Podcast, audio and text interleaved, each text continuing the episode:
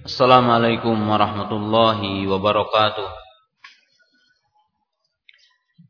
Alhamdulillah hamdan katsiran tayyiban mubarakan fi kama yuhibbu rabbuna wa yardah. Ashhadu an la ilaha illallah wahdahu la syarikalah wa ashhadu anna Muhammadan abduhu wa rasuluh. Wassalatu wassalamu ala Rasulillah wa wa ashabihi wa man tabi'ahum bi ihsanin ila ya ayyuhalladzina amanu taqullaha haqqa tuqatih illa wa antum muslimun. I'lamu rahimakumullah fa inna khairal hadithi kitabullah wa khairal hadi Muhammad sallallahu alaihi wasallam. Wa syarrul umuri muhdatsatuha bid'ah wa kullu bid'atin dhalalah wa kullu dhalalatin finnar. Para jamaah para talabatul ilmi yang dirahmati Allah taala Alhamdulillah pada kesempatan pagi yang berbahagia ini dengan izin dan kudrat dari Allah Subhanahu wa taala kita dapat berkumpul di majelis yang mulia ini. Dan tidak lupa kita bersyukur kepada Allah Subhanahu wa taala yang senantiasa menganugerahkan kepada kita berbagai nikmat terutama adalah nikmat iman, nikmat Islam, nikmat sunnah, nikmat sehat sehingga kita juga bisa berkumpul di majelis yang mulia ini. Demikian juga rasa syukur kita sampaikan kepada pengurus Masjid Nurul Iman yang telah memberikan kesempatan tempat dan fasilitas untuk terjadinya kegiatan yang mulia ini. Demikian juga saya sampaikan rasa syukur kepada seluruh panitia yang berusaha untuk mengadakan kajian yang mulia ini.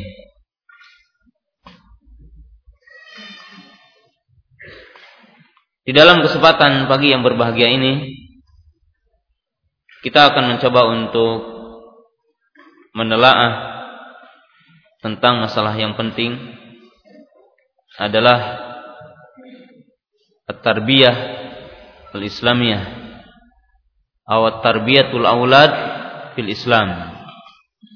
Pendidikan anak di dalam Islam. Para jamaah yang dirahmati Allah taala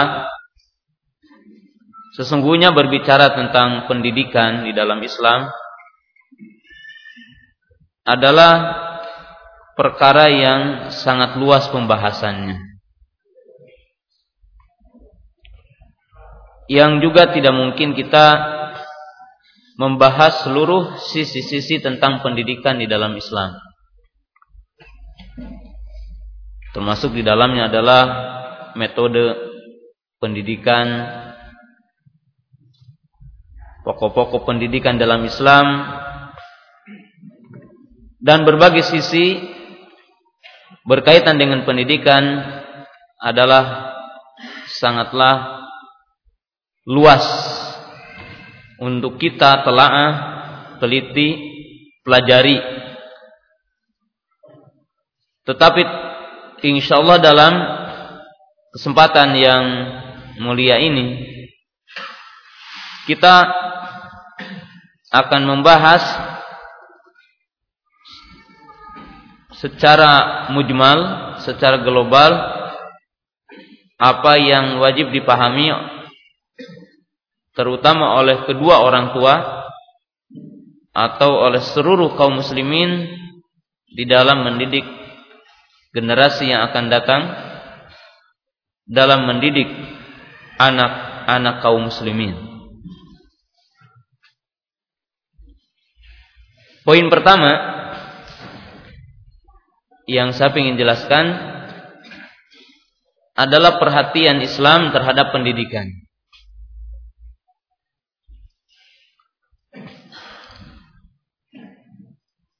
Wajib dipahami oleh setiap muslim dan muslimah terlebih oleh kedua orang tua bahwa Islam memiliki perhatian yang sangat tinggi terhadap pendidikan generasi yang akan datang. Terhadap pendidikan anak. Di antara dalil-dalil yang menunjukkan bahwa Islam memiliki perhatian kepada pendidikan generasi yang akan datang terhadap pendidikan anak adalah doa para nabi, doa para rasul, dan doa yang diajarkan kepada kaum muslimin. Itu di antaranya doa yang berbunyi, Rabbana hablana min azwajina wa dzurriyyatina qurrata a'yun waj'alna lil muttaqina imama. Di mana Allah taala mengkisahkan dan menyebutkan doa para nabi, doa para rasul dan doa yang diajarkan kepada kita terutama doa bagi seorang bapak doa bagi seorang suami. Dengan mengatakan ya Allah berilah aku anugerah rezeki istri anak yang soleh. Ini menunjukkan bahwa Islam memiliki perhatian terhadap pendidikan. Dan di antaranya ungkapan Nabi Ibrahim alaihissalam dalam potongan ayat dalam surat Al-Baqarah qala wa min dzurriyyati di mana Nabi Ibrahim alaihissalam memiliki perhatian yang sangat tinggi terhadap generasi yang akan datang setelah Allah Ta'ala memilih beliau sebagai manusia pilihan. Manusia yang dicintai Allah sebagai Khalilullah. Maka Nabi Ibrahim berdoa kepada Allah agar keturunannya pun dijadikan sebagai pilihan. Qala wa min dzurriyyati. Ini sebagai satu dalil bahwa Islam memperhatikan terhadap generasi yang akan datang. Lihat juga kepada apa yang dikatakan oleh Yakub alaihi salam. Dan apa yang dinasihatkan oleh Yakub alaihi salam ketika mendekati kepadanya kematian. Datang kepadanya syakratul maut. Maka Yakub alaihi salam tidak mewasiatkan harta, tidak mewasiatkan tahta, tidak mewasiatkan dunia kepada anaknya, tidak mewasiatkan perniagaan, tidak mewasiatkan peternakan, tidak mewasiatkan pertanian, tidak mewasiatkan kekuasaan. Lakin mada qala Yaqub alaihi salam. Qala Allah Ta'ala Am kuntum syuhada'a id hadara Ya'qub al-maut Id qala libanihi ma ta'buduna min ba'di? Qalu na'budu ilahaka wa ilaha abaika Ibrahim wa Ismaila wa Ishaqa ilaha wahida wa nahnu lahu muslimun. Apakah kalian memperhatikan atau menyaksikan ketika datang sakratul maut kepada Yakub alaihi salam ketika ia berkata kepada anak-anaknya kepada cucu-cucunya apa yang kalian akan sembah setelah aku wafat setelah aku mati maka anak-anaknya sepakat mengatakan kami akan menyembah sembahanmu itu Allah dan ilah yang disembah oleh Ibrahim oleh Ismail, oleh Ishak itu ilah yang satu. Dan kami kepadanya tunduk dan patuh. Maka lihatlah para nabi sebagai pembawa dinul Islam yang mengajarkan agama Allah yaitu Islam. Maka mereka memiliki perhatian yang sangat tinggi terhadap generasi. Yang kedua,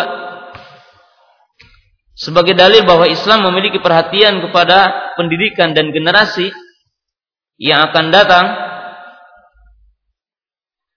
di mana Allah taala banyak mengkisahkan syabab di dalam ayat Al-Qur'an. Di mana Allah taala banyak mengkisahkan kisah para pemuda. Kisah-kisah orang soleh dari para pemuda dan mengkisahkan anak kecil di dalam ayat Al-Quran dari orang soleh. Sebagai dalil bahwa Al-Quran Allah Ta'ala memberikan pelajaran-pelajaran bagaimana generasi yang terdahulu dari para pemuda yang mereka memberikan kebaikan kepada masyarakatnya sebagai pemegang kebaikan sebagai mujaddid pembaharu di antara contoh yang paling besar adalah kisah yang disebutkan dalam surat ke-18 yaitu Ashabul Kahfi. Itu delapan pemuda. Allah Ta'ala menyebutkan dalam potongan ayat innahum fityatun amanu bi rabbihim wazidnahum huda. Maka Allah telah menyatakan bahwasanya mereka adalah fityah. Para pemuda yang mereka beriman kepada Allah yang mereka mentauhidkan Allah taala. Dan Allah pun menyebutkan sifat Nabi Ibrahim adalah dengan kalimat fatan. Di mana di dalam ayat Al-Qur'an disebutkan bahwa orang-orang kafir para pembesar pada waktu itu mengatakan kami mendengar seseorang yang dinamai Ibrahim yuqalu dia dikatakan seorang pemuda. Dan di antara kisah yang sangat ma'ruf adalah kisah Ashabul Uhdud. Yaitu tentang orang-orang yang dibakar di tengah-tengah api. Maka dalam sahih Imam Muslim dari sahabat Abi Sa'id Al-Khudri Nabi SAW mengkisahkan tentang seorang raja seorang rahib tukang sihir dengan anak kecil. Maka disebutkan di situ tentang ya, yang ma'ruf dengan kisah gulam di mana seorang raja pada waktu itu dijaga oleh tukang sihir. Lalu tukang sihir itu berkata kepada rajanya, "Wahai rajaku, sesungguhnya aku telah mendekati masa kematian. Maka pilihlah buatku seorang anak yang cerdik yang aku akan mengajarkan kepadanya ilmu sihirku." Lalu dipilihkan anak yang cerdik, pintar, tetapi dalam kisah itu ternyata anak itu ditakdirkan jadi paham tauhid karena di samping ia akan belajar kepada tukang sihir maka ia belajar kepada seorang rohib. Seorang rohib pada waktu itu gambaran dari ahli tauhid. Maka dia ditunjukkan kepada iman dan tauhid sampai satu ketika dalam potongan kisah itu si anak kecil ini ingin ditunjukkan ayat-ayat Allah tentang kebenaran rohib ini. Maka tiba-tiba ia dengan kaumnya dihadang oleh seekor binatang melata yang besar. Lalu anak itu berkata, "Ya Allah, jika seandainya apa yang diajarkan oleh roh itu benar, maka tunjukkanlah bagiku ciri-cirinya, ayat-ayatnya." Lalu dia melempar dan membunuh seekor binatang melata yang besar itu lalu mati. Maka kaumnya menyangka bahwasanya dia memiliki kekuatan dan dia seorang sihir, bang sihir. Lalu ketika dikatakan kepadanya bahwasanya ia telah menolong mereka, maka ia mengatakan sesungguhnya yang menolong kalian adalah Allah. Maka didatangkan kepadanya beberapa orang yang terkena penyakit, penyakit kulit, buta dan kusta lalu sembuh. Lalu kaumnya mengatakan sesungguhnya engkau ya, mengatakan engkau seorang dukun, engkau seorang tabib, engkau menyembuhkan orang. Maka dia mengatakan demi Allah aku tidak menyembuhkan, tapi yang menyembuhkan adalah Allah. Sampai dia dilaporkan ke kerajaan. Dan raja mengatakan menyuruh para penggawanya untuk membawa dia ke gunung untuk dibunuh atau ia kembali kepada agama semula. Maka tiba-tiba ketika diantarkan ke gunung dan diberi pilihan, kalau kamu tidak kembali kepada agama raja atau agama kaummu, yaitu menyembah manusia, menyembah selain Allah Ta'ala, maka kamu akan dilempar dari gunung ini. Tiba-tiba bergetarlah gunung tersebut dan matilah orang yang mengantarnya. Maka dia pulang ke kerajaan sendiri. Lalu diceritakan. Lalu dia menyuruh lagi para penggawanya untuk membawa dia ke lautan. Lalu diberikan dua pilihan. Ima ia kembali kepada agama raja yang semula atau ia akan dilemparkan, ditenggelamkan ke lautan. Maka tenggelamlah orang-orang yang mengantarlah dan mati. Maka dia datang ke hadapan raja. Lalu dia berkata, "Wahai rajaku, sesungguhnya engkau tidak bisa membunuhku kecuali engkau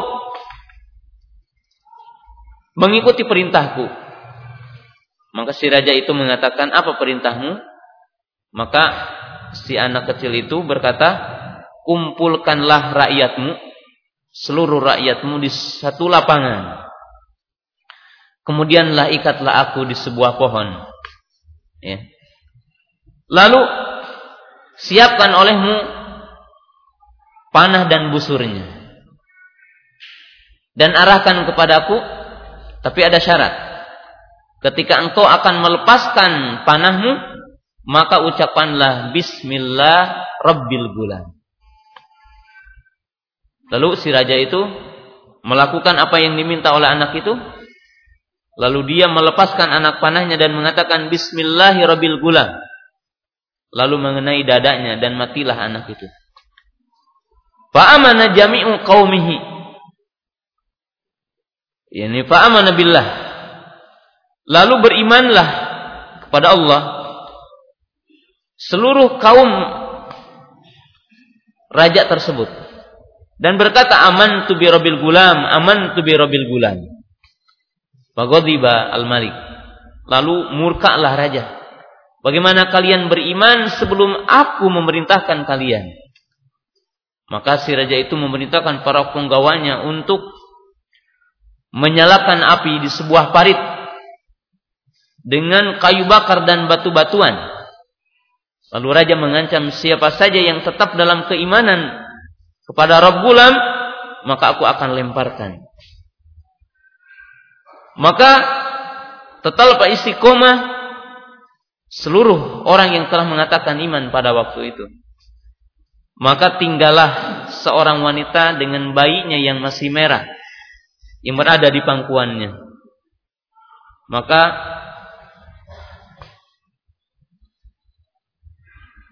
ibunya merasa was-was, ragu jika seandainya ia harus meloncat ke api yang menyala-nyala dengan anaknya yang masih merah.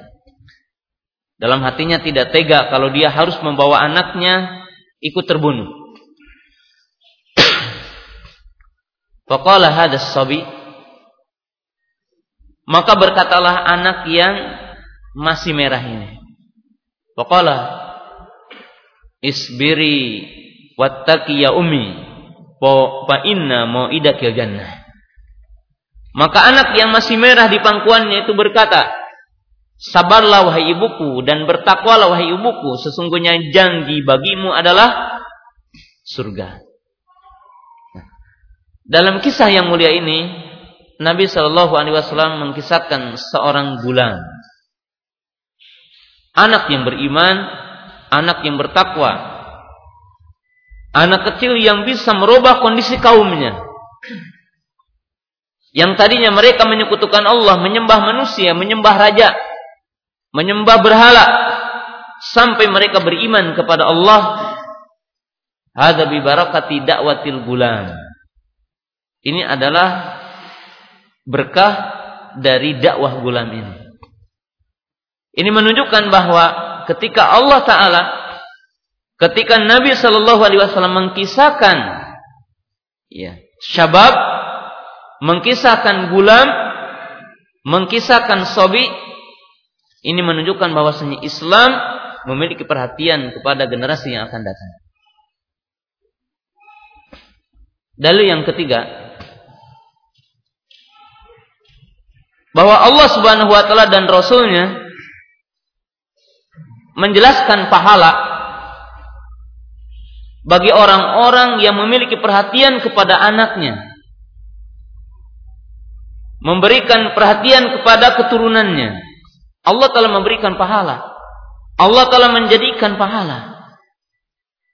Dan Nabi Wasallam menjanjikan pahala yang sangat besar, yang sangat agung dari hasil pendidikan kepada generasinya.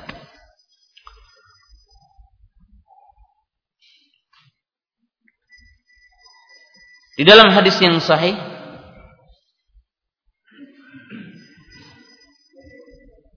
Nabi Shallallahu Alaihi Wasallam menyatakan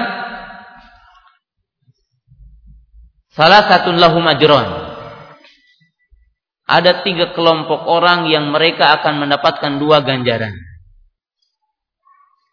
Paminhum di antara mereka rojulut ini rojulun kanat indahu ammah Salah seorang di antara mereka adalah seseorang yang di sisinya ada hamba perempuan, amah, jariah. Fa'addabaha fa'ahsana ta'dibah wa 'allamaha fa'ahsana ta'limaha. Tsumma a'taqaha fatazawwajaha falahu ajrun. Adalah seseorang yang punya hamba perempuan punya budak perempuan. Lalu dia mengajari adab terhadapnya. Jadi artinya bersikap kepadanya dengan sebaik-baik sikap. Dan mengajari kepadanya dengan pengajaran yang sangat baik. Lalu ia memerdekakannya dan menikahinya. Maka dia mendapatkan dua ganjaran. Wa sabata aidan fi hadis Aisyah radhiyallahu taala anha. Dan telah tetap juga dalam hadis Aisyah radhiyallahu taala anha. Bahwa Aisyah radhiyallahu taala anha mengkisahkan datang seorang wanita dengan dua anaknya yang meminta makanan kepadanya. Lalu di sisi Aisyah tidak ada kecuali satu kurma satu biji kurma. Maka Aisyah radhiyallahu taala mengasihkannya kepada wanita itu. Lalu dia memotongnya menjadi dua. Satu potong dibagi dua untuk anaknya, sepotong lagi dia akan memakannya. Pas dia akan memakannya, tiba-tiba anaknya meminta lagi, maka dipotong lagi. maka dia tidak jadi memakannya. Anaknya yang memakannya. Keesokan harinya datang lagi seorang pengemis dengan dua anaknya. Dan di sisi Aisyah radhiyallahu taala anha ada dua kurma. Maka yang satu dipotong untuk berdua, untuk dibagi dua anaknya, bagi anaknya yang dua tersebut. Lalu yang satunya dia akan memakannya. Tetapi anaknya meronta lagi, meminta lagi. Maka dia memotongnya lagi.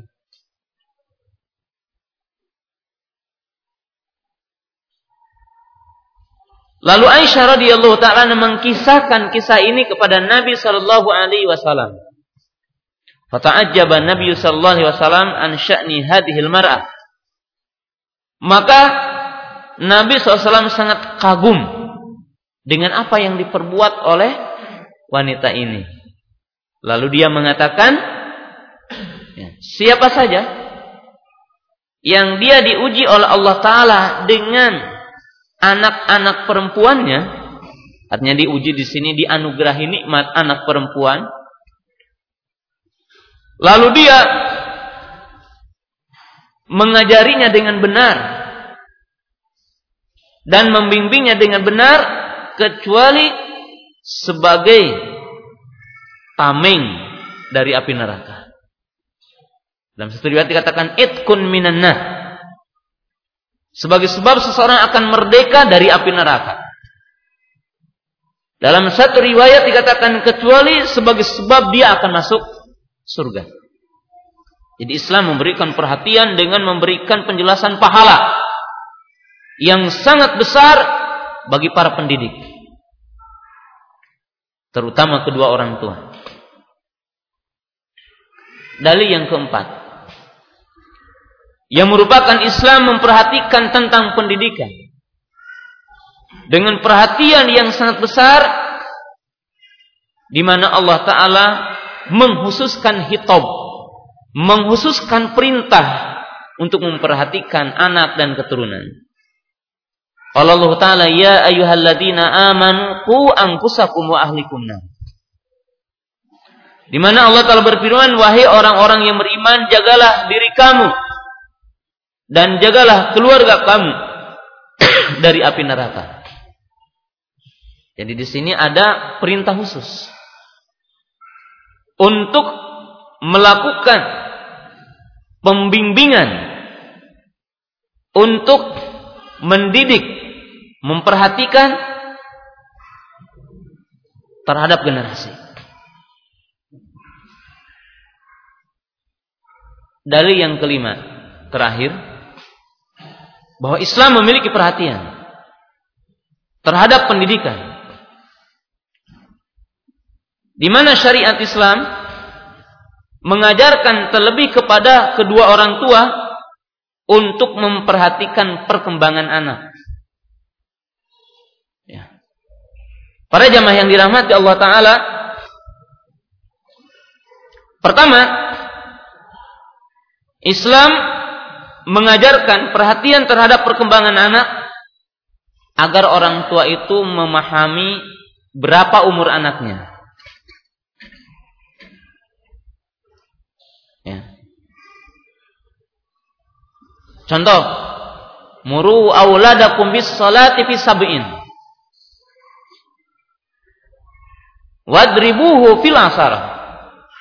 Kata Nabi sallallahu ajarilah anak sholat umur tujuh tahun. Atau perintahkanlah anak sholat pada umur tujuh tahun. Nah, apakah kalau kita tidak pernah memperhatikan umur anak, berapa anak kita? Ya. Dan pukullah anak kita apabila tidak sholat pada umur sepuluh tahun. Jadi di sini Islam memberikan perhatian terhadap perhatian kepada umur. Kedua,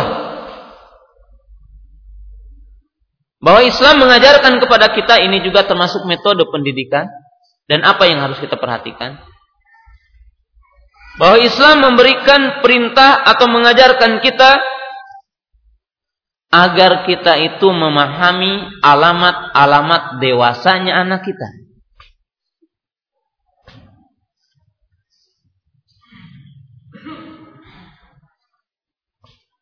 Sebab kedua orang tua harus tahu anak kita udah dewasa belum, udah balik atau belum. Mungkin di antara kita yang tidak peduli anak kita udah dewasa atau belum. Sebab tentunya kita harus tahu ketika anak itu melanggar sebelum dewasa dengan melanggar setelah dewasa dari sisi hukumannya dari sisi cara mengajarkannya itu harus berbeda. Dari sisi penghukumannya juga harus berbeda. Ketika anak ini udah dewasa atau belum? Maka Islam mengajari kita ciri-ciri anak dewasa. Bagi wanita dengan haid umpamanya. Atau dengan jarak umurnya. Atau dengan mimpi bagi laki-laki dengan cara apa? Mimpi? Atau berumur 15 tahun? Atau ya, tumbuh kelelakiannya? Ya, seperti tumbuh ya sesuatu yang berkaitan dengan alamat dewasa. Ya mungkin tumbuh kumisnya tumbuh jenggotnya dan sejenisnya. Maka orang tua harus memperhatikan. Sehingga ayat-ayat Quran atau hadis-hadis Nabi Shallallahu Alaihi Wasallam memiliki perhatian, penjelasan agar kedua orang tua memperhatikan semua itu. Dan ini sebagai dalil bahwa Islam adalah memiliki perhatian yang sangat besar terhadap pendidikan. Generasi. Para jamaah yang dirahmati Allah Subhanahu wa taala. Setelah kita paham bahwa dinul Islam, bahwa syariat Islam memiliki perhatian yang sangat besar terhadap pendidikan di dalam Islam. Terhadap pendidikan generasi yang akan datang, maka kita akan bahas sisi-sisi lain. Bagaimanakah kita mendidik generasi kita?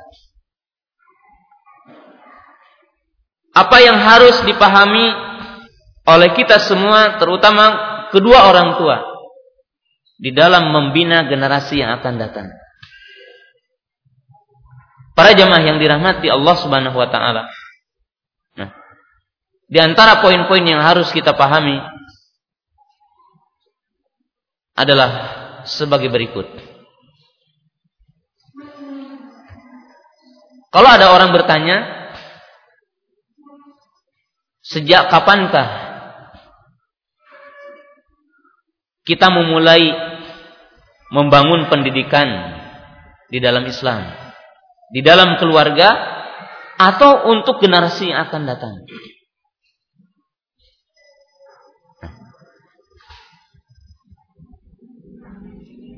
Maka jawabannya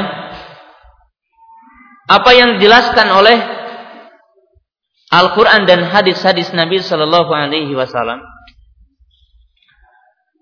Sesungguhnya Islam telah mengajarkan awal pendidikan dari mulai kita mau menikah. Nah, ini para pemuda, para pemudi. Sesungguhnya pendidikan dalam Islam yang berbicara kita ke depan, berbicara generasi yang akan datang, maka awal pendidikan itu dimulai sejak seseorang itu akan menikah. Kenapa dikatakan begitu? Ya. Karena Nabi Shallallahu Alaihi Wasallam menganjurkan kepada kaum muslimin untuk memilih bibit unggul ya, untuk generasi yang akan datang. Sebab secara fitrah, secara tobi'ah, kalau kita berbicara tentang yang bohir, perkara yang kita mendekatkan kepada akal kita, Kalau para bapak, para ibu pingin menanam padi dan menghasilkan padi yang berbuah lebat, berbuah bagus, maka kita harus memilih benih yang bagus. Harus memiliki benih yang bagus. Tempatnya bagus. Tanahnya, pengairannya, maka demikian juga bahwa ketika kita akan membangun generasi yang akan datang,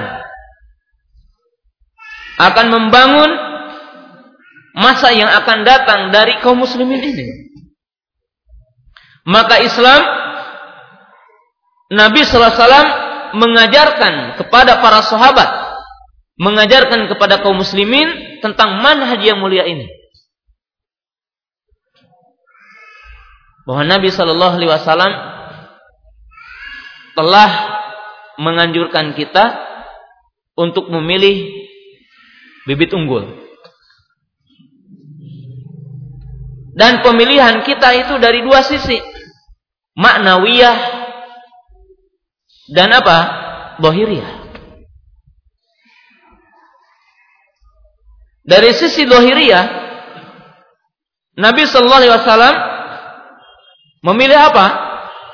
Menganjurkan seorang pemuda memilih wanita yang cocok atas keinginannya. Dari sisi cantiknya, badan dan sebagainya.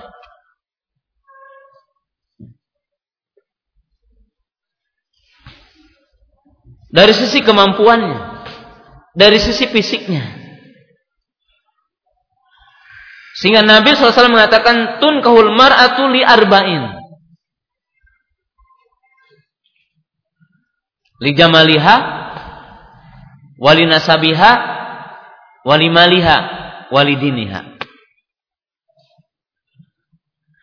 Bahkan Nabi SAW menganjurkan kepada para sahabat ketika akan melamar ataupun ketika akan menikah seorang wanita lihat dulu sampai mungkin jangan tersinggung ya ini bagi para wanita tapi ini bahwa Islam itu menjaga tentang apa bahwa keindahan itu tetap dijaga. Lihat, kalau dari kobilah ini biasanya matanya ada sakit. Lihat barangkali punya penyakit kulit. Nabi SAW memberikan pengajaran yang sangat indah bagaimana memindah rumah tangga. Artinya membina dan membangun rumah tangga di atas kecintaan. Maka ini yang berkaitan dengan jasa dia. Yang berkaitan dengan dohiriyahnya. Perkara yang dohirnya.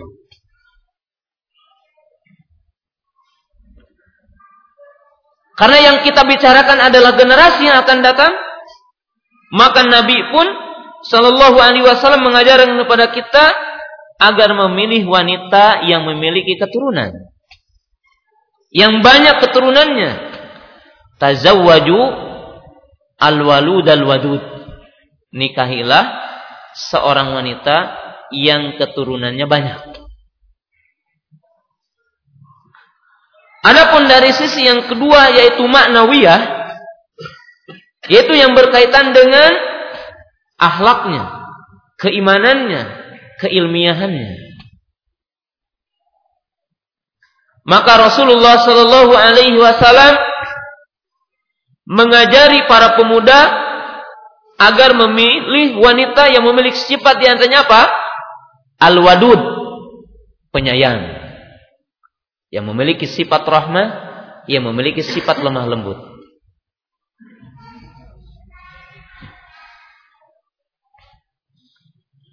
Kemudian di dalam hadis yang lain Nabi SAW mengatakan sebaik-baik wanita adalah wanita ansar apa katanya? Tidak menghalangi mereka rasa malu untuk bertanya.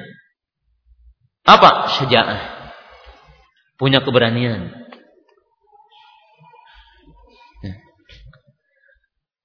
Dan Nabi Shallallahu Alaihi Wasallam mengajarkan kepada beberapa wanita pada waktu itu, kepada beberapa pemudi. Dikisahkan dalam satu hadis ada seorang akhwat yang dilamar oleh tiga orang. Yang kebetulan ketiga-tiganya belum diterima. Baru mereka datang semuanya. Lalu mengadu dan bertanya kepada Nabi Shallallahu Alaihi Wasallam tentang tiga orang ini. Maka kata Nabi Shallallahu Alaihi Wasallam, ketika disebutkan tiga orang ini jangan sama si Pulan. Kenapa katanya? Si Pulan itu pelit, bagaikan seekor unta yang kurus yang ada di padang pasir. Jangan. Bagaimana kalau saya menerima si Pulan? Jangan. Si Pulan gorob, gampang, ringan tangan. Bagaimana sama si Pulan syatam, si pelaknat, lidahnya buruk. Maka dikatakan in Usama fa innahu rajulun salih. Nikahlah sama si Usama walaupun dia berwajah hitam, berfisik hitam, tapi dia soleh. Nah, para jemaah yang dirahmati Allah Ta'ala, jadi kalau kita berbicara pendidikan, sejak kapan kita membangun pendidikan ini? Maka Nabi Shallallahu Alaihi Wasallam menjelaskan kepada kita bahwa pendidikan ini diawali sejak kita memilih. calon istri sejak kita memilih calon suami. Ini dijelaskan oleh Nabi Shallallahu Alaihi Wasallam. Kemudian pada jamaah yang dirahmati Allah Taala, kapankah kita berakhir mendidik?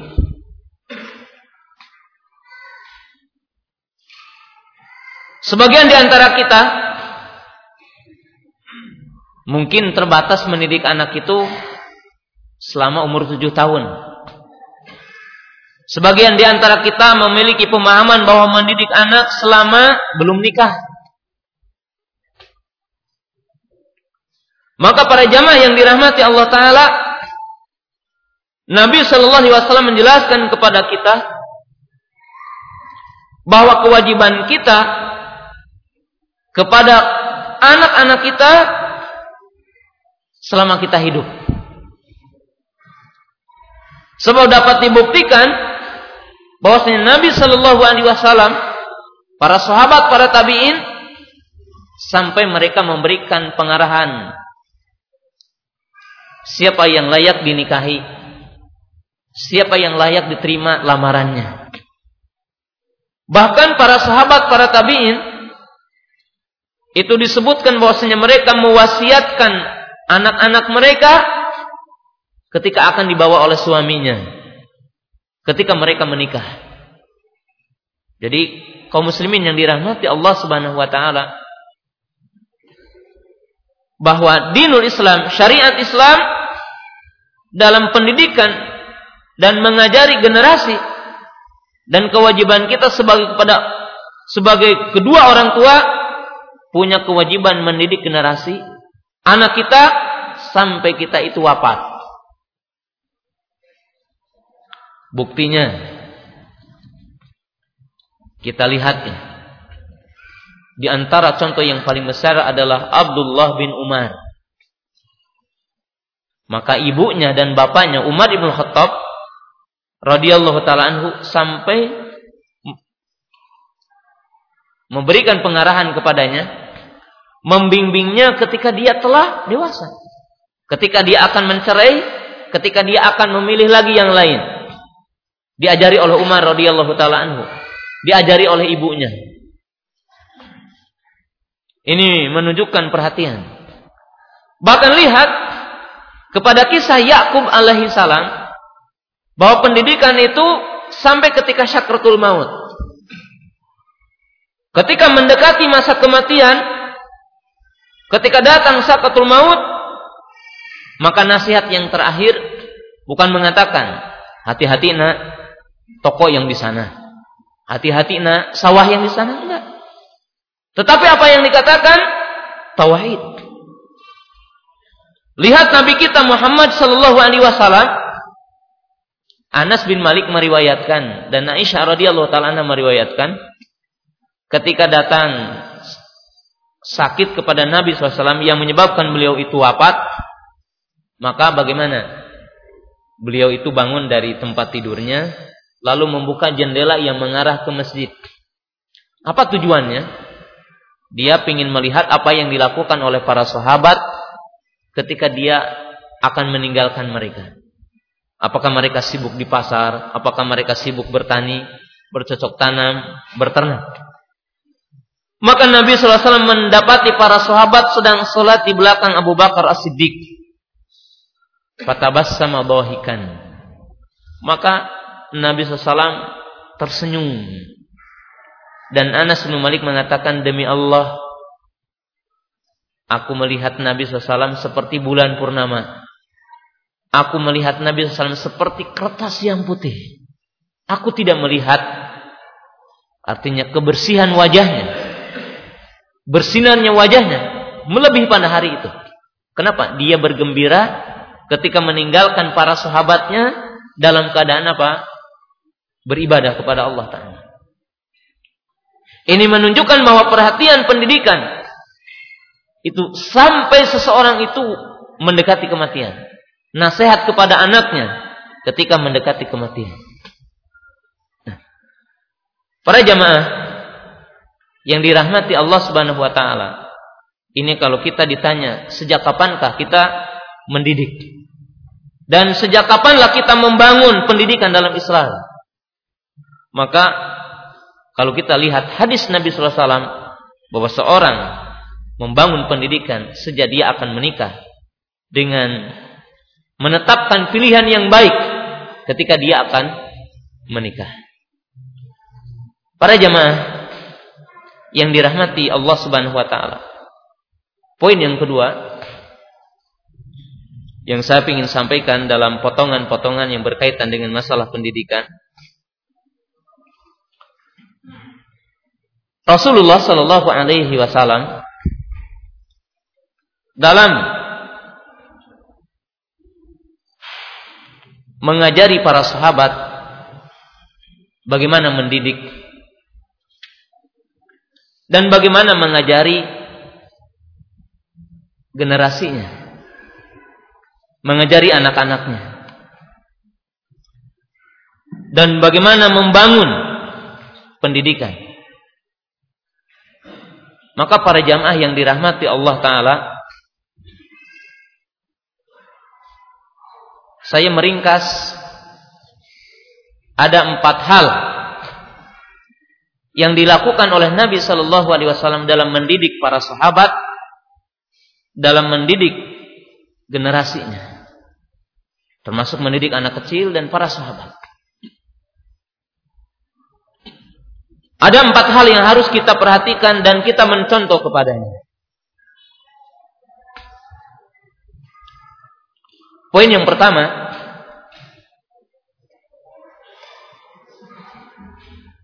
bahwasanya Rasulullah Shallallahu Alaihi Wasallam dalam mendidik tidak terpaku dengan waktu.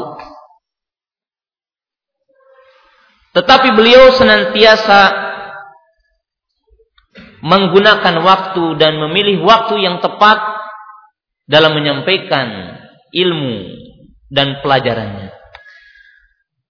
Poin yang pertama ini tidak dimaksudkan oleh saya, demikian juga oleh para ulama, bahwa kita membuat waktu yang tetap dalam mengajari anak, dalam mendidik generasi. Tetapi yang dimaksud tidak terpaku, tidak mencukupkan.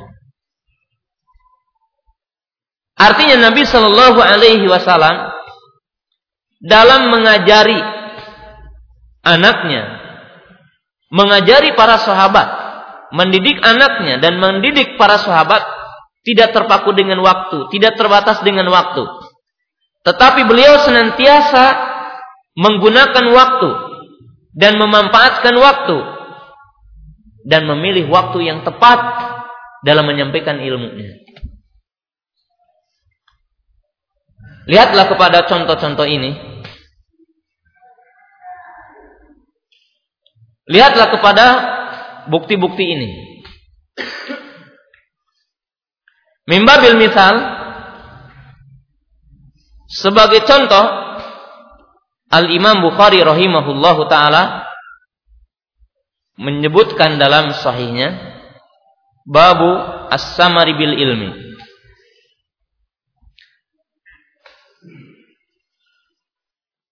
Yang dimaksud di sini bab menyampaikan ilmu mendekati waktu tidur. Bab menyampaikan ilmu setelah melewati satu pertiga malam.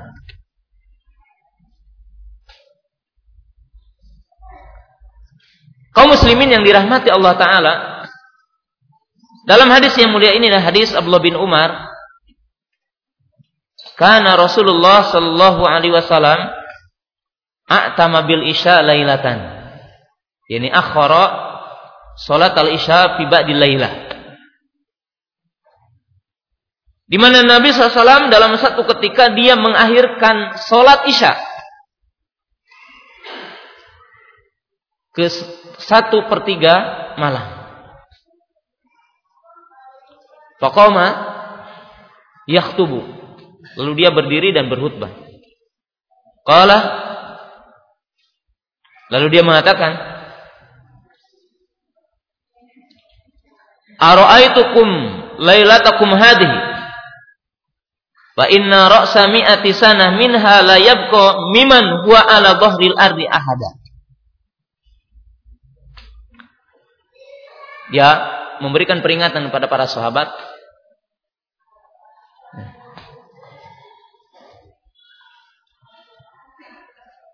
Jadi aku akan perlihatkan kepada kamu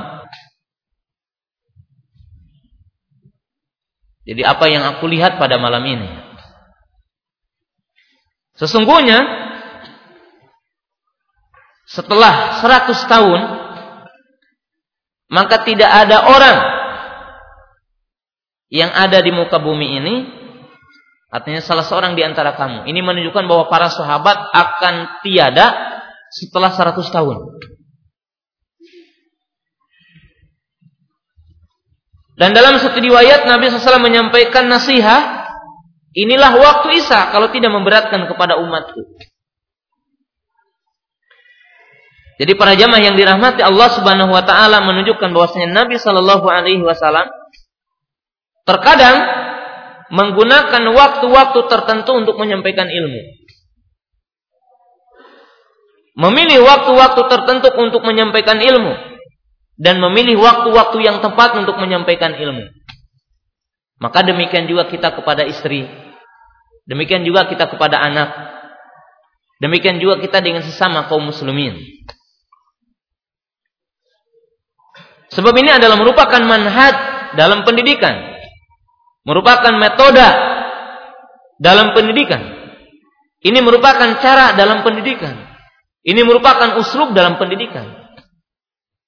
Kita tidak boleh menyangka bahwa anak kita dididik cuma ketika di sekolah.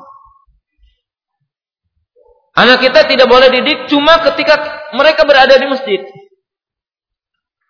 Dalam waktu-waktu yang 24 jam, mereka tidak hak mendapatkan pendidikan. Ini kekeliruan yang sangat besar. Poin yang kedua yang harus kita perhatikan. Bahwasanya Nabi Shallallahu Alaihi Wasallam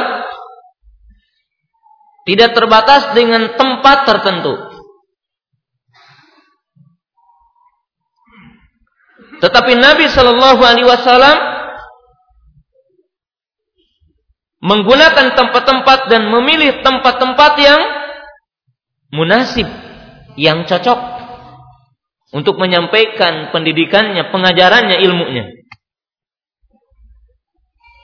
Lihat bahwasanya Nabi Shallallahu Alaihi Wasallam selain memilih masjid, maka Nabi Shallallahu Alaihi Wasallam menggunakan tempat-tempat yang lain. Seperti kita tahu ketika Nabi Alaihi Wasallam berada di Mina. Ketika Nabi SAW berada di Arafah. Di saat-saat orang memerlukan ilmu. Di saat-saat orang memerlukan taujih. Pengarahan. Memilih tempat-tempat yang tepat. sampai kepada mereka ilmu. Dan memilih munasibnya tempat tersebut dengan kondisi yang ada, dengan kondisi yang diajarinya. Maka demikian juga kita.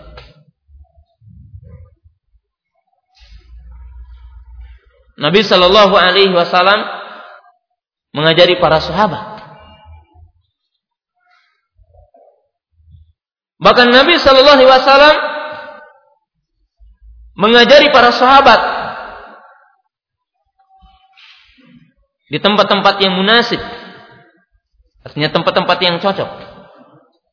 Seperti kita lihat ketika Nabi SAW berada di Mina dan para sahabat lalu naik ke kendaraannya lalu menyampaikan ilmu. Ketika beliau berada di Arafah, maka ia menyampaikan ilmu. Ini perkara yang harus kita perhatikan. Poin yang ketiga yang harus kita perhatikan bahwa Nabi SAW tidak memilih tempat pendidikan dan mendidik dengan satu kondisi dalam satu keadaan. Tetapi beliau memilih keadaan-keadaan yang cocok, yang munasib untuk menyampaikan ilmu. Kenapa? Sebab tujuan yang paling besarnya sampainya peringatan dan ketepatan memilih tempat, memilih waktu, dan memilih kondisi, itulah yang akan menjadikan ilmu dan nasihat itu sampai. Kita lihat. Pernahkah kita dengan anak kita di atas kendaraan bertanya kepada istri tentang iman, tentang akhlak, tentang hadis? Lihat Nabi SAW bersama Mu'ad berada di atas kendaraannya. Kalau ya Mu'ad atadrima hakullahi alal ibad wa mahakul ibadi Allah di atas kendaraan. Dia bertanya tentang ilmu. Apa yang dikatakan kepada Abdullah bin Abbas di atas kendaraannya? Ya gulam, ini u'alimuka bi arba'i kalimat. Pernahkah kita rekreasi dengan anak? Kumpul duduk, selain makan-makan, melihat kondisi kita bertanya. Mungkin kita bertanya kepada anak kita man khalaqak, man nabiyuk. Ya, Wa madinuk. Kita tanya apa nabimu, siapa penciptamu. Pernahkah kita itu suasana? Atau kita hanya anak dikumpulkan, suasananya genting, barangkali suasananya menakutkan? Mengajarkan ilmu itu atau kita menciptakan kondisi-kondisi yang Masya Allah. Ketika kita rekreasi, ketika kita ada di mobil, isi kita ditanya, anak kita ditanya tentang ilmu. Nah, Nabi SAW ternyata segudang metode bagaimana Nabi SAW mengajari anak-anaknya, mengajari para sahabat dalam menyampaikan ilmu, dalam mengajari apa? Dalam mengajari ilmu. Nah, poin yang keempat, saya tidak bisa untuk banyak menyampaikan contoh-contoh karena masalahnya banyak. Mungkin ini hanya sebagai pembuka saja untuk antum semua bisa dilihat dalam buku-buku insya Allah. Yang keempat, bahwasanya Nabi Shallallahu Alaihi Wasallam dalam mendidik tidak terbatas dengan umur, tidak terbatas dengan status, tetapi menyampaikan ilmu sesuai dengan status manusia. Tidak terbatas mengajari anak kecil, mengajari orang tua, orang kaya atau orang miskin, tidak. Tetapi Nabi Shallallahu Alaihi Wasallam menjadikan seluruh manusia sebagai sasaran, sebagai madu dalam mendidik. Dan tentunya dalam hal ini, kenapa kita harus memahami? Sebab di sanalah seorang pendidik harus menggunakan uslub, menggunakan kalimat, menggunakan metode ketika dia berhadapan dengan anak kecil, ketika dia berhadapan dengan orang tua, dengan orang yang intelek dan sebagainya. Maka Nabi Shallallahu Alaihi Wasallam mengajarkan dengan metode yang sangat indah. Saya berikan contoh. Ketika menghitop anak kecil mengatakan ya bunaya, ya gulam. Dalam bahasa orang Indonesia mungkin kalau orang Jawa atau orang Sunda mengatakan wahai anaking anak yang aku cintai. Menggunakan uslub kalimat yang menyebabkan hatinya terpanggil. Ya bunaya ya gulam ketika dia menghadapi para pemuda mengatakan ya ma'syarus sabab ketika berhadapan dengan orang-orang muhajir yal muhajirun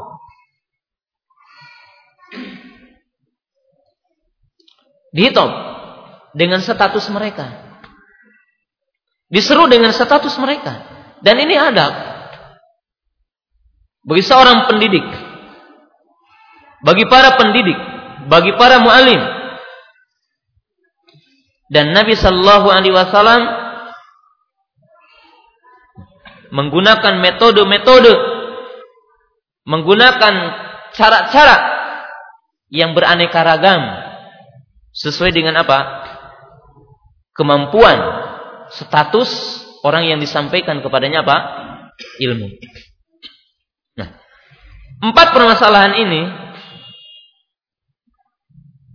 itu adalah merupakan satu hal yang sangat penting bagi kita terutama sebagai kedua orang tua, sebagai bapak ataupun sebagai ibu dalam menyampaikan nasihat ilmu kepada anak-anak kita.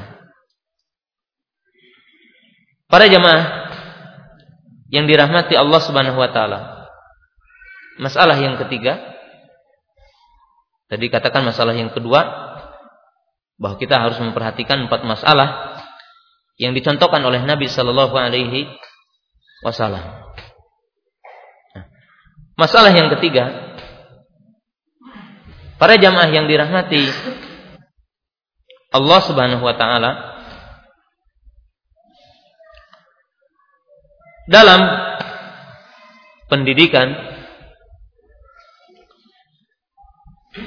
dalam mendidik generasi kita anak-anak kita ya terlebih kita harus betul-betul menyadari dalam kondisi hari ini masa kita masa tentunya tidak seperti masa yang telah dilewati oleh kaum sebelum kita. Oleh generasi sebelum kita.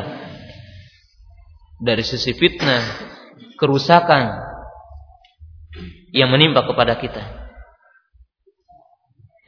Keburukan yang menimpa kepada kepada kita. Tanggung jawab para pendidik hari ini, para pengelola pendidikan, seperti pesantren-pesantren, itu lebih berat, itu lebih berat tantangannya ketimbang mungkin zaman dulu. Ya. Kenapa? Sebab serangan yang berkaitan dengan bentuk-bentuk kemaksiatan Informasi yang berkaitan dengan bentuk-bentuk keburukan tidak seperti hari ini. Nah, maka tentunya kita hari ini harus lebih menguasai, harus lebih memiliki kemampuan terhadap ini semua. Padahal perlu kita pahami bahwa satu negara tidak akan menghasilkan generasi yang baik kecuali empat unsur yang merupakan asas dalam pendidikan ini itu adalah berkesinambungan dan memiliki kekuatan yang sama energik yang sinergik kita lihat ada empat unsur. Yang mana pendidikan ini akan betul-betul membuahkan hasil. Yang empat unsur ini pertama adalah al-madrasah sekolah. Yang kedua adalah al-bait rumah. Yang ketiga, al-mujtama, lingkungan, al-bi'ah, lingkungan. Yang keempat adalah al-wasail al-i'laniyah. Adapun yang keempat adalah yang berkaitan dengan wasail i'laniyah yaitu media informasi. Nah, para jemaah yang dirahmati Allah taala, kenapa saya membahas ini? Ini supaya dipahami bahwa pendidikan dalam Islam itu jangan sampai seperti yang dipahami oleh kebanyakan para ikhwan. Gimana? Ya menyekolahkan anak, saya titipkan anak saya nih. Ya, dia nggak tahu siapa guru yang mendidiknya, siapa pembimbingnya, nggak tahu, nggak pernah nelpon, nggak pernah apa. Nggak pernah tahu anaknya seperti apa, kondisinya seperti apa, tidak menginformasikan anaknya seperti apa, kebiasaannya seperti apa di rumah. Maka ini sesuatu yang wajib kita pahami. Jadi wajib kita pahami bahwa pendidikan yang kita ingin menghasilkan pendidikan yang memuaskan, generasi yang betul-betul memiliki ketangguhan, dari sisi keimanan, akhlak dan sebagainya, maka harus sinergik empat kekuatan ini. Dan yang paling pertama dan utama adalah rumah. Artinya apa? Bahwa antum semua, bahwa kita semua harus menciptakan rumah ini sebagai tempat pendidikan.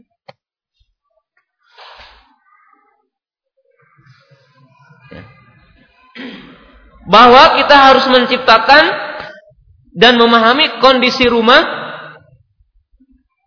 ya, walaupun tidak dipungkiri ya bahwa keumuman kita rumahnya apa SS ya rumah sangat sempit gitu ya tetapi walaupun bagaimana kita harus mampu menciptakan bahwa rumah ini sebagai tempat pendidikan yang mampu menciptakan anak itu bisa belajar.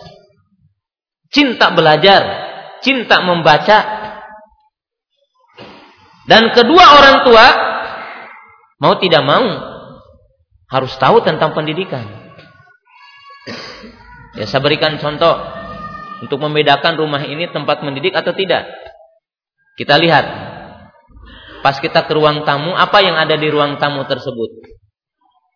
Kalau di ruang tamu itu ada benda-benda klasik, nah ini bukan tempat pendidikan ya. Ada gelas-gelas kecil, kemudian ada gambar-gambar, ya sesuatu yang klasik gitu. Nah, itu berbeda dengan rumah yang di situ mungkin tempat ruang tamunya di situ ada buku-buku, buku-buku bacaan.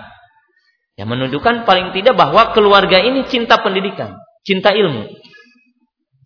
Apalagi mungkin orang yang memiliki keluasan rizki. Membuat tempat belajar khusus. Ada musolanya. Bagaimana mereka itu bisa menunaikan sholat di situ? Ibunya dengan anaknya bisa sholat berjamaah. Ya, satu ketika menyampaikan nasihat, satu ketika kumpul di situ. Nah, tidak mungkin antum semua pingin anak itu 100% baik dititipkan di pesantren. Ketika pulang apa yang dilakukan oleh mereka? Tidak mungkin. Jadi yang pertama rumah. Oleh sebab itu dinyatakan baiti jannati. Rumahku adalah apa? Surgaku.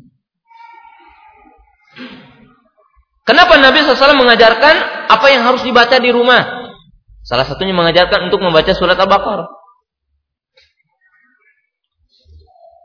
Kenapa Nabi SAW menganjurkan sholat tatawu, sholat rawatib di rumah? Lebih abdul ketimbang apa? Di masjid. Di antaranya apa? Imaratul bait, memakmurkan rumah.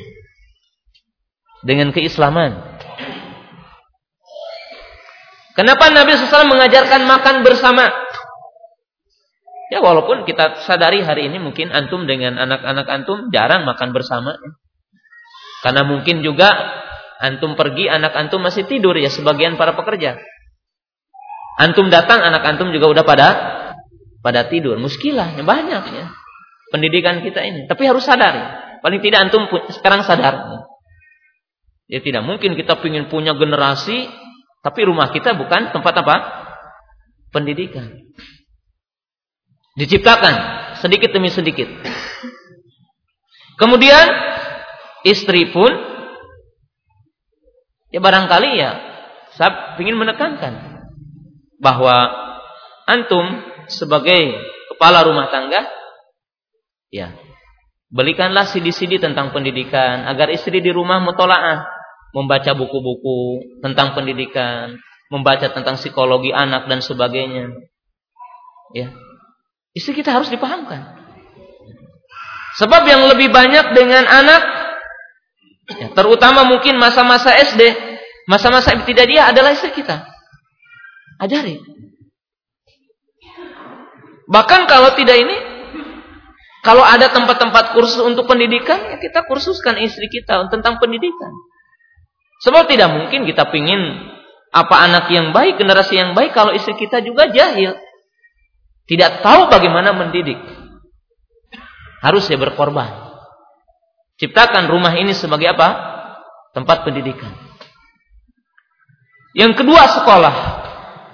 Tidak diragukan lagi bahwa sekolah ini dari sisi manhaj yang diajarkannya, metodenya dan sebagainya harus sempurnakan. Para pemilik pesantren sekolah harus sadar hari ini bahwa harus mampu menciptakan tempat-tempat pendidikan yang layak. Ya, walaupun sadar ataupun tidak disadari, begitu banyak pesantren-pesantren yang ada hari ini masih jauh dari kesempurnaan. Ya, dan ini juga para muhsinin ya maaf ya, para muhsinin harus juga memperhatikan karena ini adalah merupakan aset untuk masa yang akan datang sedekah jariah. Ya, jangan dikira kalau membuat pesantren itu hanya membangun kelasnya, harus membangun tempat olahraganya. Kenapa? Sebab pendidikan tidak mampu dan tidak akan mungkin menciptakan pendidikan hanya anak di kelas. Mereka diberikan pelajaran stres, Pak. Ya. Banyak kita bikin sekolah, pelengkapan yang lainnya tidak ada. Harus menciptakan tempat pendidikan yang memadai. Yang membuat anak itu senang. Membuat anak itu sehat. Jasadnya, badannya, pemikirannya. Diciptakan. Artinya apa? Bahwa kita hari ini udah harus terbuka. Jangan mungkin pesantren itu terkenalnya mungkin anak-anaknya apa? Borokan. Kata orang Jawa Barat mungkin buduk gitu ya. Ciptakan sekolah yang memadai yang membuat senang. Nah, yang ketiga tidak diragukan lagi adalah mujtama lingkungan. Sebaik apa pun kita menciptakan pesantren, sebaik apa pun kita menciptakan ling apa di rumah baik, tetapi manakala lingkungannya tidak baik, apa yang didengar, apa yang dilihat ketika mereka jalan, ketika mereka menganggap perjalanan, maka kita harus mampu menciptakan kondisi masyarakat yang baik. Ya, sekarang umpamanya tempat-tempat main ya. dan sebagainya kita harus bisa menciptakan. Kemudian yang keempat yang dinamakan dengan al-wasail al-i'laniyah yang berkaitan dengan media Apa yang kita dengar seperti radio, apa yang kita lihat seperti apa? Televisi. Apa yang kita baca seperti majalah dan koran dan sebagainya. Nah, kalau ini semuanya berfungsi di dalamnya berkaitan dengan pendidikan, isi-isinya mengaju tentang pendidikan. Dan jika tidak ada, maka kaum salafiyun ahli sunnah harus berusaha ke sana. Nah, menciptakan umpamanya televisi yang islami. Kemudian apa acaranya jelas, pendidikan baik pendidikan tentang dunia ataupun pendidikan tentang agama ini. Pendidikan tentang kesehatan dan sebagainya tentunya bahwa pendidikan dalam Islam tidak hanya mengajari yang berkaitan dengan masalah ibadah ataupun iman, tetapi berkaitan dengan berbagai aspek. Nah, artinya apa bahwa kalau kita berbicara tentang pendidikan, keempat kekuatan ini harus diperhatikan oleh kaum muslimin. Coba aja. Bagaimana tidak ya? 24 jam acara yang ada di televisi umumnya apa? Acara yang sifatnya hura-hura dan maksiat. Nah, bagaimana mungkin akan menciptakan anak-anak yang berakhlak? Mereka memiliki akhlak yang baik. Apa yang mereka lihat, apa mereka yang contoh adalah hal-hal yang buruk. Tidak mungkin. Jadi artinya para jamaah yang dirahmati Allah Ta'ala bahwa kita harus melangkah dengan sekemampuan kita memprogram kita punya tujuan ya, dalam dakwah ini dengan tujuan yang sangat hebat tujuan yang sangat mulia untuk membangun generasi yang akan datang generasi yang mulia yang mereka beriman kepada Allah melaksanakan syariat Islam Para jamaah yang dirahmati Allah Ta'ala, masalah yang keempat. Jadi masalah yang keempat kalau kita berbicara tentang pendidikan. Para jamaah yang dirahmati Allah Subhanahu wa taala tentang perhatian dan poin-poin yang harus kita perhatikan di dalam pendidikan. Bagaimana orang tua mengajari anaknya? Seperti apakah orang tua mengajari anaknya? Poin-poin apakah yang harus diperhatikan oleh kedua orang tuanya. Islam, dinul Islam, sesungguhnya adalah agama yang sempurna. Agama yang mencakup kepada seluruh aspek kehidupan. Maka pendidikan dalam Islam tidak terbatas kepada satu masalah. Tetapi Islam juga membahas berbagai masalah. Maka dalam kalimat yang singkat ini juga saya ingin menyampaikan secara global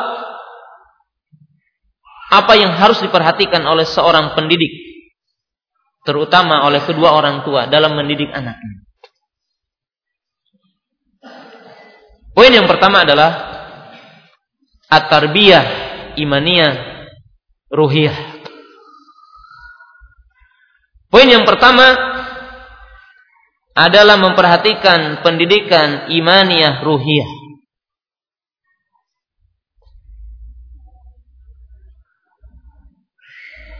Yaitu mengajari tentang masalah keimanan ruhiyah.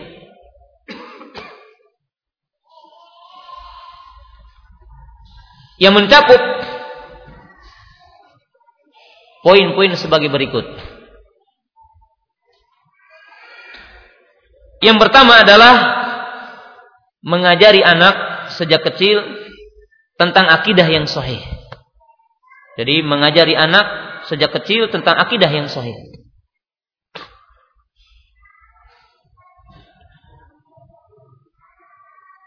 Kaum muslimin yang dirahmati Allah Subhanahu wa taala Saya berikan contoh yang sangat mudah di mana Rasulullah SAW berkata kepada seorang jariah ya jariah ini ya anak kecil yang belum dewasa artinya adalah seorang budak perempuan yang belum dewasa jariah namanya adalah hamba perempuan budak perempuan yang belum dewasa. Faqala? Faqalat jariyah, Allahu fis sama. Maka Nabi SAW bertanya kepadanya, di mana Allah? Faqalat Allahu fis sama. Faqala atikha fa innaha mu'minah. Man ana? Aina Allah? Qala anta Rasulullah. Allahu fis sama. Faqala atikha fa innaha mu'minah. Lihatlah. Nabi SAW mengajari dan mengecek artinya mencoba untuk mengetahui sejauh mana iman jariah ini. Maka ia bertanya, siapa aku dan di mana Allah? Maka ia mengatakan, anta Rasulullah, engkau adalah Rasul Allah. Allah berada di atas langit. Lalu Nabi SAW mengatakan, merdekakanlah karena dia adalah seorang mukmin. Lihat apa yang diajarkan oleh Nabi SAW kepada Abdullah bin Abbas. Mengajari tentang tawakal. Qala inni u'alimuka bi arba'i kalimat ihfadillah yahfadka ihfadillah tajid tijah. Aku ajari kamu dengan empat perkara. Jagalah batasan-batasan Allah akan menjaga Allah kepadamu. Jagalah batasan-batasan Allah maka Allah akan menyertaimu. Maka lihat di sini kalimatul iman kalimat tauhid, mengajarkan tawakal sejak kecil. Ya. Ini kalimat tauhid. Yang kedua adalah tarbiyah al-halal wal haram. Yang termasuk dalam poin ini termasuk membina keimanan, membina ruh adalah mengajari tentang halal dan haram. Kita lihat apa yang dilakukan oleh Nabi Shallallahu Alaihi Wasallam. Ya, ketika Husain sedang memakan kurma, Pokoknya Nabi Wasallam, ya bunaya, ya gulam, kuh kuh, fa ahla baitin la ya'kulu sadaqah. Maka Nabi SAW berkata kepada Husain radhiyallahu taala wahai anakku, wahai anakku, muntahkan, keluarkan kurma dari mulutmu, sebab itu adalah harta sodako. Ahlul bait dilarang makan harta sodako. Fayu'allimuhu al-halala wal haram. Maka Nabi SAW mengajarinya tentang halal dan haram. Makrifat halal dan haram. Agar dia tahu mana yang halal, mana yang haram. Sejak kecil. Kemudian termasuk dalam poin ini adalah tarbiyatul ibadah. Yani mana? alal ada lil ibadah, membiasakan untuk ibadah. Salah satunya Nabi SAW mengatakan, ajaklah, ajarilah anakmu sholat dalam umur tujuh tahun. Sehingga para ulama mengatakan, seyogianya anak kita dihitan sebelum tujuh tahun. Sebab keumuman para ulama mengatakan syarat ya. Bahwa karena ketika belum dihitan maka kotoran kencing akan ada di situ. Maka para ulama mengatakan seyogianya anak itu dihitan sebelum umur tujuh tahun. Ya, walaupun di sebagian daerah ada yang udah 17 tahun belum dihitannya. 12 tahun keluar SD SMP baru apa? Dihitannya. Tarbiyatul ibadah. Membiasakan apa? Ibadah. Maka ini yang berkaitan dengan apa? Tarbiyatul ruhiyah, imaniyah. Ini harus diperhatikan. Jadi orang tua harus memperhatikan.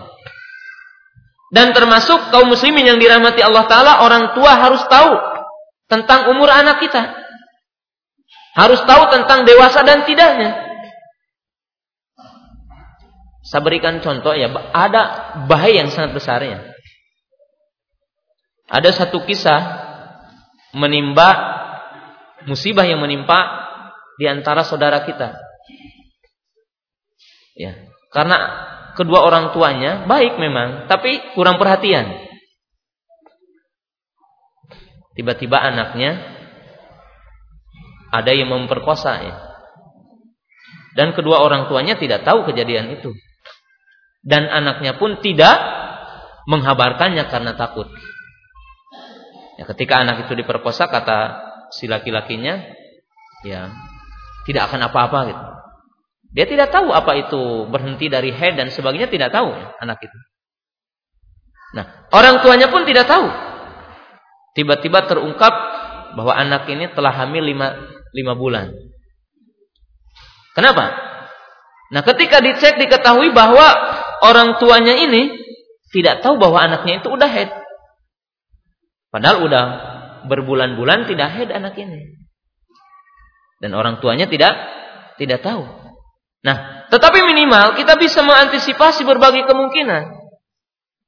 Berbagai sesuatu yang bahaya ketika orang tua itu perhatian. Apakah anaknya udah head? Kalau tiba-tiba tidak head, timbul pertanyaan. Ada curiga. Kenapa udah berbulan-bulan tidak head anak ini? Tetapi ketika kedua orang tua tidak ada perhatian, tidak punya perhatian, maka banyak kejadian. Kenapa? Ada mulmubalat, tidak ada perhatian, cuek. Para jamaah yang dirahmati Allah Taala. Jadi inilah kewajiban kedua orang tuanya. Poin yang kedua adalah at-tarbiyah ahlakiyah. Tarbiyah yang berkait dengan akhlak, adab dan budi pekerti. Anak kita harus ditanamkan sejak kecil akhlak-akhlak Islami dan adat-adat yang baik yang ada di kaumnya. Ya walaupun mungkin hari ini anak-anak kita itu memang sangat minim sekali ya mengetahui tentang adab kaumnya. Ya, mungkin bagaimana dengan orang tua, bagaimana adat berbicara, bagaimana adat memanggil. Sekarang udah sangat sulit kita dapatkan. Tetapi lihat bagaimana Nabi SAW mengajari tentang akhlak. Salah satu contoh akhlak dalam makan. Satu ketika ada anak kecil makan bersama Nabi SAW dalam satu nampan. Tiba-tiba tangannya itu ke mana-mana. Faqala Nabi SAW ya gulam. Samillaha. Wakul biyaminik. Wakul bimayalik. Wahai anakku, makanlah dengan bismillah dulu. Makanlah dengan tangan kananmu. Dan makanlah yang ada di depanmu. Jangan mengambil di depan orang. Dididik tentang adab. Budi pekerti. Sampai satu ketika Nabi SAW mengawali salam kepada anak kecil. Walaupun dalam kaidah umum anak kecil kepada yang besar. Tetapi Nabi SAW mengucapkan salam kepada anak kecil dan memulai salam. Dan Anas mempraktekannya. Sampai para tabi'in protes kepada Anas. Wahai Anas, bukankah Nabi SAW mengatakan as-sagiru alal kabir wal kasiru alal qalil. Bukankah Nabi SAW mengatakan yang kecil kepada yang besar, yang sedikit kepada yang banyak? Waqala Anas, hakada Rasulullah SAW allamana. Demikianlah Rasulullah SAW mengajari kami. Jadi orang tua sebagai pendidik, ya terkadang kita mengawali anak kecil mengucapkan salam. Agar apa? Agar dia tahu adab ketika bertemu. Adab ketika kita berjumpa. Apa yang harus diucapkan? selamat pagi, selamat sore atau apa? Anak kita tahu oh assalamualaikum. Adab, akhlak. Poin yang ketiga, di mana Nabi SAW juga memperhatikan yang dinamakan at-tarbiyah al-jasadiyah. Yaitu tarbiyah yang berkaitan dengan jasad. Kekuatan fisik yang dimaksudnya. Para jamaah yang dirahmati Allah Ta'ala, kita tidak menginginkan umpamanya generasi yang loyo, badan-badannya tidak sehat. Ya. Badannya tidak kuat. Maka yang dimaksud di sini, terbiah jasa dia adalah termasuk terbiah riyadiyah. Mengajari anak tentang olahraga, kesehatan, kekuatan fisik. Dan Nabi SAW Ajarilah anak-anak kamu as-sibaha warimaya. Ya. Ajarilah anak kalian yaitu apa? Memanah. Kemudian apa? Berenang. Ini hanya contoh saja ya. Bagaimana kalau kita mengajari anak itu umpamanya agar sehat, berlari, umpamanya bela diri dan sebagainya boleh. Fisik anak kita harus harus sehat. Ya. Tahu tentang kesehatan, kekuatan fisiknya. Sebab tentunya al-mu'minul qawi khairun minal mu'min al-dhaif. Mukmin yang kuat walaupun maknanya ada dua, kuat dalam iman dan kuat dalam fisik. Tapi kan kita tahu bahwa orang yang kuat fisiknya, dakwahnya juga akan kuat. Coba kalau seorang dai ya, ilmunya Masya Allah tetapi setiap pergi sakit itu. Baru datang ke sini sakit langsung, pulang juga sakit. Ya, apa ngajar sekali sakit sebulan. Nah, ini nggak bisa. Tarbiyah jasa dia. Sehat. Bahkan anak kita sejak kecil ya diajari barangkali ya, ibu-ibu jangan terlalu khawatir ya. Kalau anak itu jatuh, masya Allah, gitu. Nah, kalau dia bisa masih bisa berdiri, biarkan dia berdiri sendiri. Agar apa? Sejak kecil badannya kuat. Ya. Fisiknya kuat memiliki kemampuan. Sebab dalam ayat Al-Quran dikisahkan tentang Tolut apa? Apa? Bastotan fil ilmi, wabastotan fil jismi. Bahwa Tolut adalah kuat dalam ilmunya, kuat dalam apa? Fisiknya. Apalagi kalau kita lihat dalam ayat, satu berbanding sepuluh.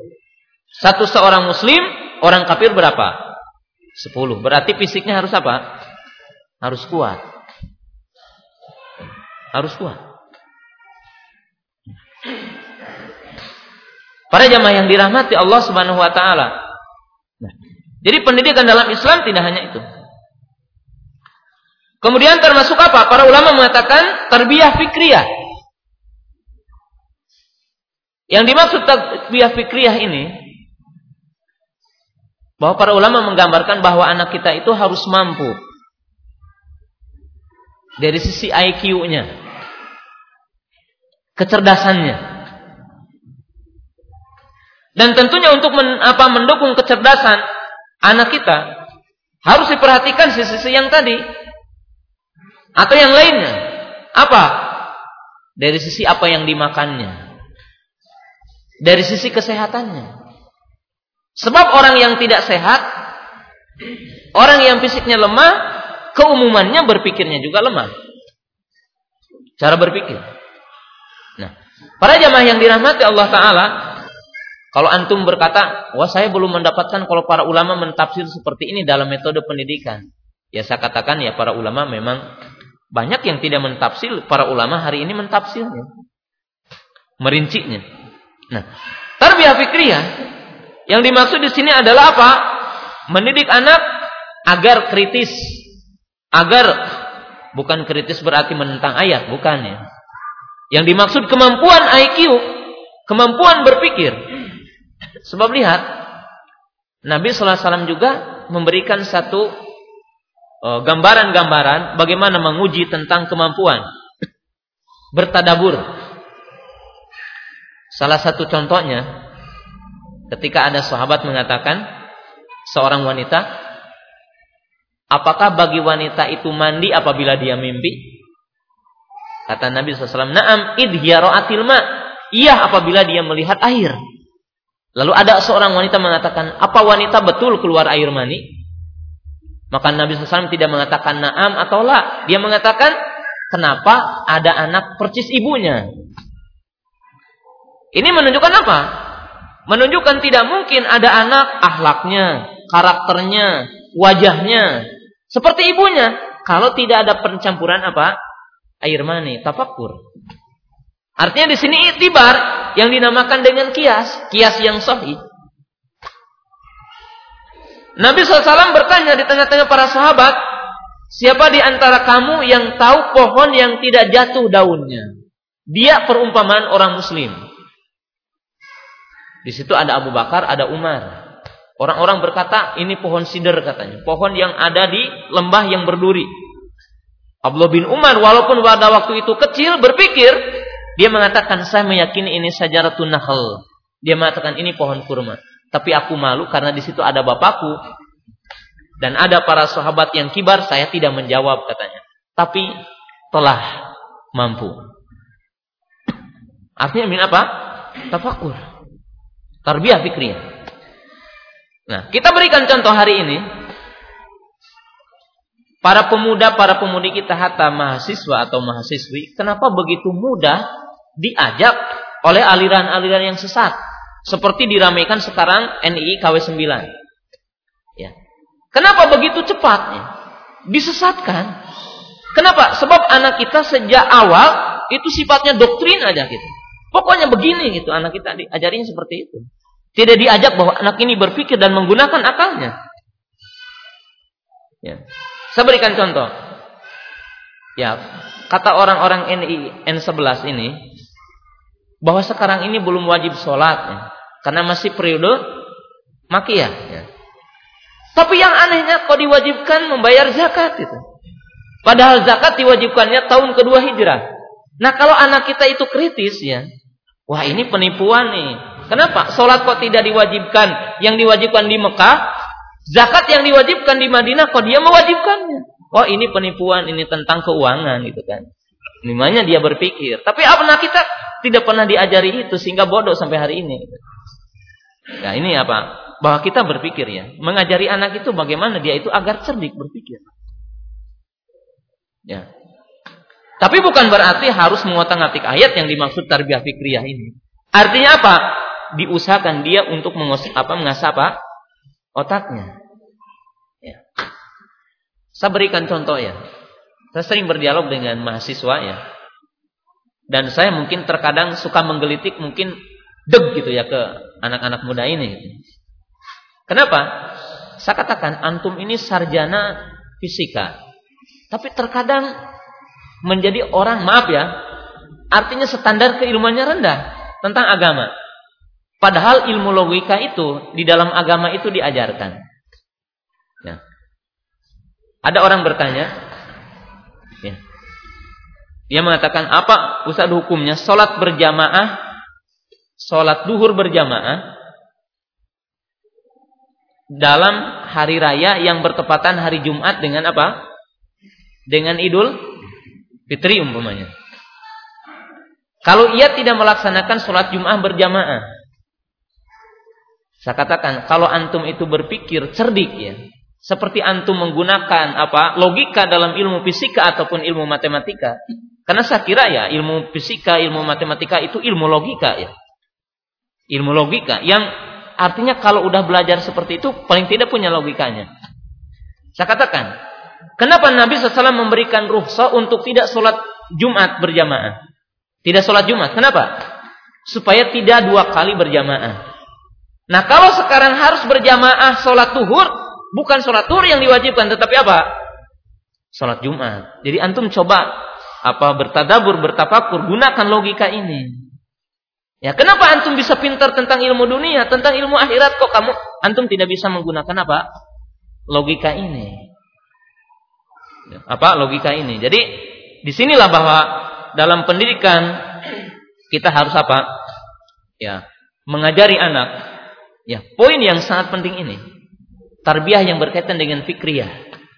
Jadi menggunakan akal IQ. Di antara poin yang sangat penting dan ini poin yang terakhir, Allah alam. Ya, untuk kita berisi sebentar dan untuk mengambil wudhu adalah at-tarbiyah istimaiyah. Bahwa di antara perkara yang sangat wajib diperhatikan bahwa anak ini harus diajari tentang metode kemasyarakatan, muamalah. Sangat keliru ya kalau antum mengajari anak itu seolah-olah di penjara di rumah. Kita sering mendapatkan bahwa anak-anak kita, anak-anak ikhwan, kalau bertamu gitu ya, maka menghabiskan seluruh apa yang dihidangkan. Kadang-kadang mungkin melakukan apa?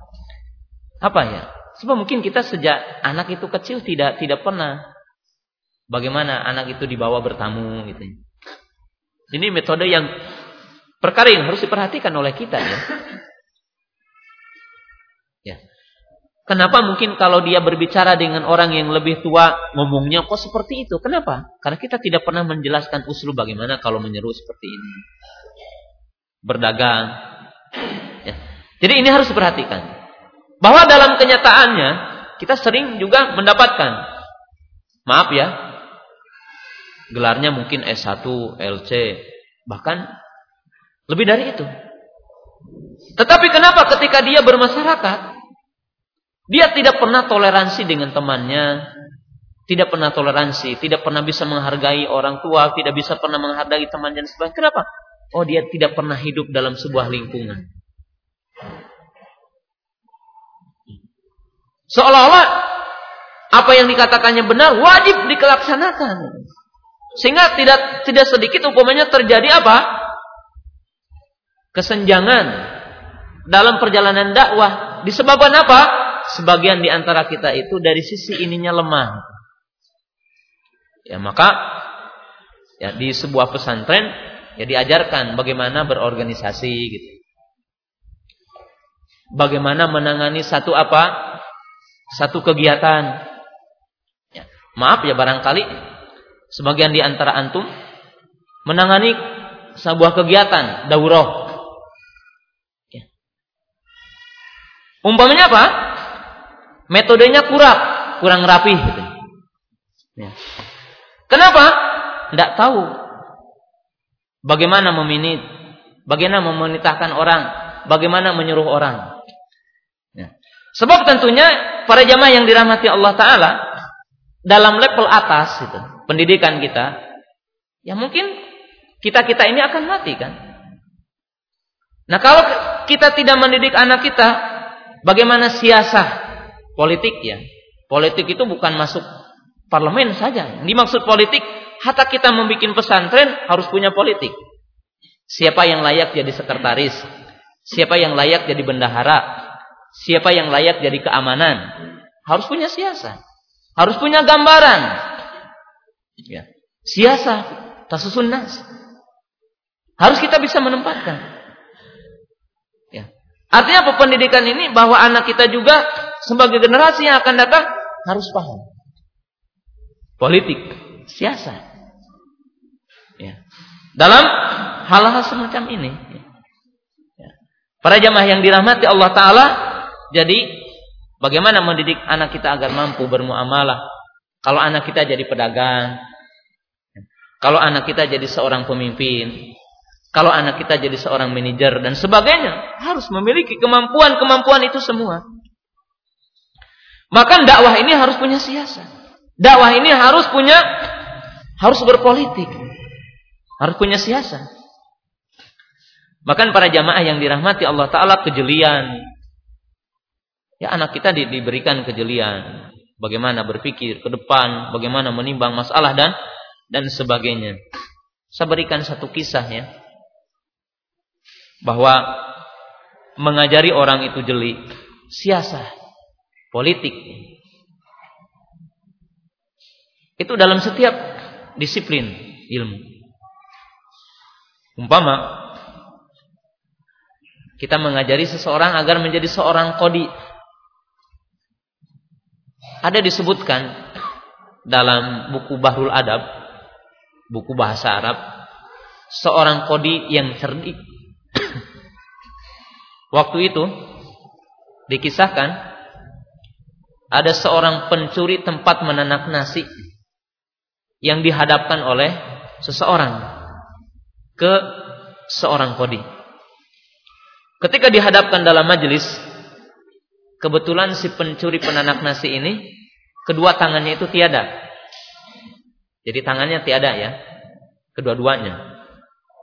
Cacat. Lalu ketika ditanya, "Benarkah kamu mencuri barang ini?" Lalu dia hilah. Dia mengatakan, "Wahai Kodi, mana mungkin saya membawa barang ini? Pakai apa saya membawa barang ini?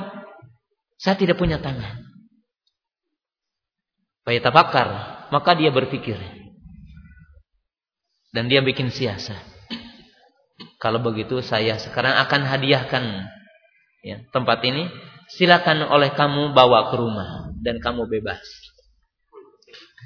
Tiba-tiba dia membawanya dengan kepalanya dan dimasukkan begini. Lalu dia berjalan membawa barang itu dengan kepalanya begini. Maka kata kode ini, demikianlah kamu mencuri barang ini. Akhirnya dia apa mengaku setelah itu bahwa demikianlah aku mencuri barang ini. Jadi para jamaah yang dirahmati Allah taala inilah dalam Islam artinya tingkat kecerdikan muamalah istimaiyah harus di, dibina. Bahwa anak kita ini betul-betul menjadi generasi yang memiliki kekuatan, yang memiliki kemampuan dari berbagai sisi disiplin, ilmu, akhlak, ya, adab, kekuatan fisik, kekuatan jasad, dan inilah perkara yang harus diperhatikan dalam pendidikan Islam, dalam syariat Islam. Maka oleh sebab itu ikhwatu iman yang dirahmati Allah Taala bahwa itulah yang harus dipahami oleh kita bersama sebagai kedua orang tua bahwa mendidik anak tidak semata-mata kita mengajari mungkin anak bisa surat Al-Fatihah, bisa tentang masalah iman, tetapi sisi-sisi yang lain harus kita perhatikan, harus menjadi perkara yang harus kita perhatikan. Sebab itu adalah perkara-perkara yang diperhatikan oleh agama yang mulia ini. Para jamaah yang dirahmati Allah Ta'ala, barangkali sampai di sini pembahasan kita pada kesempatan pagi yang berbahagia ini. Dan ya, seperempat jam kita beristirahat untuk mengambil wudhu dan juga mungkin rohat. Dan sebagaimana tadi panitia mengatakan insya Allah nanti setelah sholat duhur apabila antum memerlukan untuk dialog dan beberapa pertanyaan insya Allah kita akan buka setelah sholat duhur. Wa akhiru da'wana anil hamdulillahi rabbil alamin